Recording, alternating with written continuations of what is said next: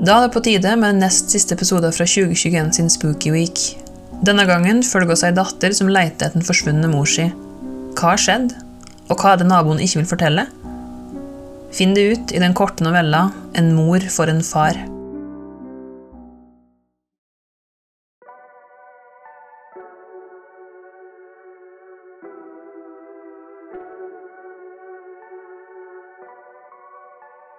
Det første datteren og svigersønnen la merke til da de kom på besøk, var gebisset på nattbordet og de runde brillene fulle av fingermerker som lå like ved. Begge deler var uvanlige funn. Else forlot aldri huset uten tenner eller syn. De konkluderte raskt med at noe ikke stemte, og satte i gang et kaotisk søk. Først ble naboene spurt, spesielt de hun var mest sammen med. Pernille, som også var gammel enke og bodde rett over gaten, ble helt fra seg da hun fikk spørsmålet om hun visste hvor Else kunne ha tatt veien.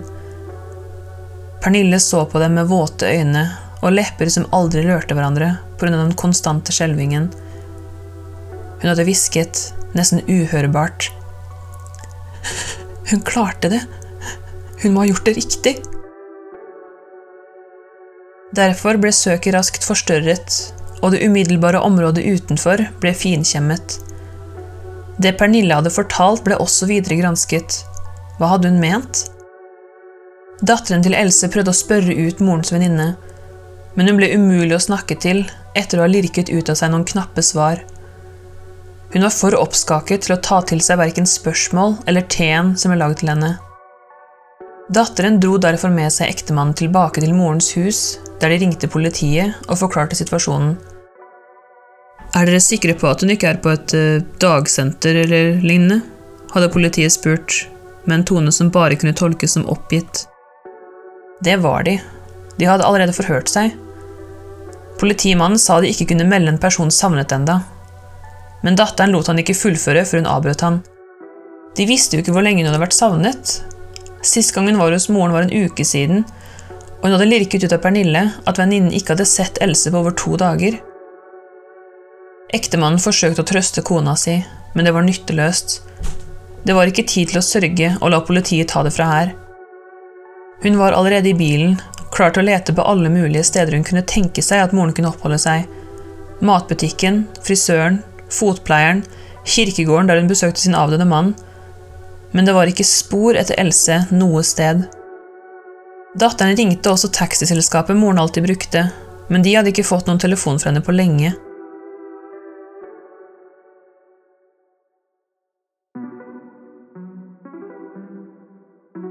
Kvelden kom, og moren var fortsatt som sunket i jorden.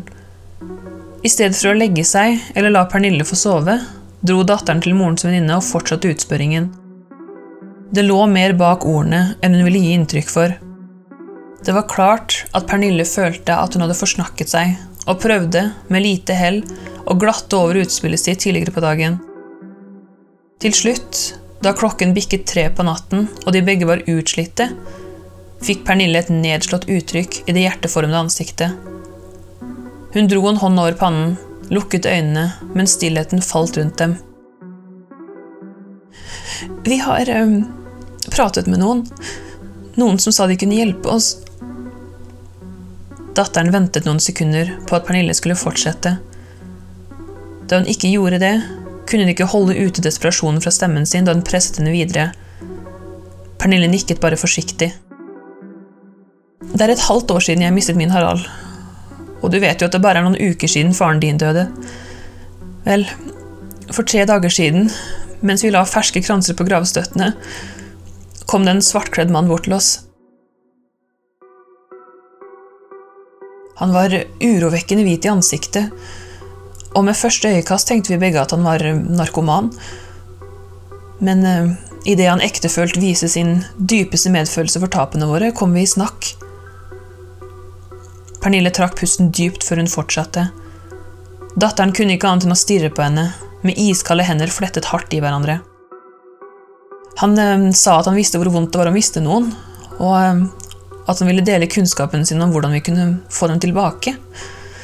Når jeg sier det høyt nå, så vet jeg det høres helt absurd ut, Men eh, i øyeblikk der man er overveldet av sorg, så høres selv en villeste idé helt briljant ut.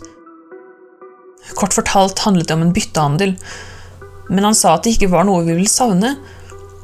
Han ville at eh, da vi la oss den kvelden, så skulle vi legge fram to sanser på nattbordet.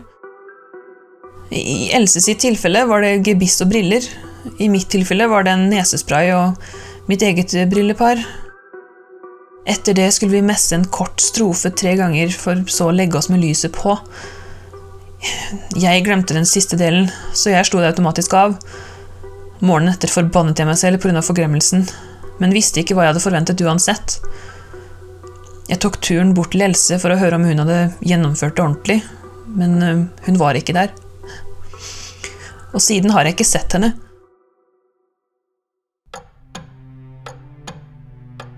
Bestefarklokken i hjørnet var lenge den eneste lyden i den mørklagte stua. Datteren spratt plutselig opp fra sofaen og sa at hun ikke kunne tro at Pernille hadde kastet bort livsviktig tid på å fortelle slike skrøner. Og hvorfor hadde hun ikke meldt Else savnet med det samme? Skjønte hun ikke at dette var spøken til en syk mann som bare ønsket å skape falske forhåpninger? Skulle liksom tingene som moren la fram, få faren hennes til å komme tilbake? Takket være dumskapen deres hadde hun nå mistet begge foreldrene sine. Hvis moren var blitt såpass dement at hun trodde på det denne mannen hadde fortalt, var datteren redd for at hun hadde gått ut alene og ikke funnet veien hjem før hun mest sannsynlig hadde frosset i hjel et eller annet sted. Datteren lot ikke Pernille forklare mer. Hun stormet ut av huset, sprang over gata og inn i morens hus. Ektemannen hadde dratt hjem for flere timer siden. Bra.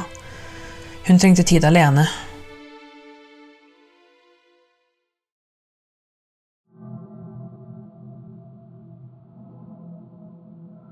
Hun pustet overfladisk i flere minutter før hun klarte å roe seg ned. Sinnet gikk gradvis over til sorg, forståelse. Etter flere søvnløse netter der hun sørget for faren, var hun nå sikker på at hun aldri kom til å sove igjen. Hun gikk inn i stua, tente lampen over kommoden fylt med alle familiebildene, og begynte umiddelbart å stable dem sammen. Hun visste ikke hvorfor det føltes så pressende, men hun måtte rydde vekk alle de kjente ansiktene hun orket ikke at de så på henne. Datteren stoppet når hun la hånden på et bilde av henne som barn sammen med foreldrene. De holdt henne på hver sin skulder og smilte bredt til kamera. Bakgrunnen viste parken de alltid tok søndagsturen sin gjennom, og brune flekker rundt munnen hennes indikerte at hun akkurat hadde fullført en sjokoladeis. Hun svelget, strøk fingrene over det støvete bildeglasset.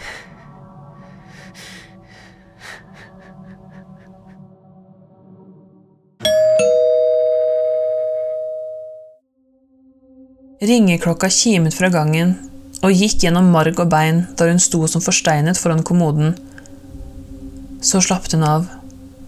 Det var nok bare Pernille som hadde fulgt etter, med en unnskyldning som aldri kunne lappe over skaden som var skjedd, om moren ble funnet eller ikke. Datteren forsvant i retning utgangsdøra, klar til å smelle den i det tryglende ansiktet til den gamle damen. Men idet hun åpnet opp og fikk se den som faktisk sto der, var det som noen helte en bøtte iskaldt vann over hele henne. Der, kledd i dressen han ble begravet i for nøyaktig 17 dager siden, sto hennes døde far. Datteren skjønte det da. Kort fortalt handlet det om en byttehandel, men han sa at det ikke var noe vi ville savne. Det var det mannen hadde sagt. Hvordan kunne moren savne noe hvis det var henne selv det var snakk om? Faren hennes smilte stort, og hvite larver rant ut mellom tennene og ut gjennom de råtne leppene. Hei, vennen min,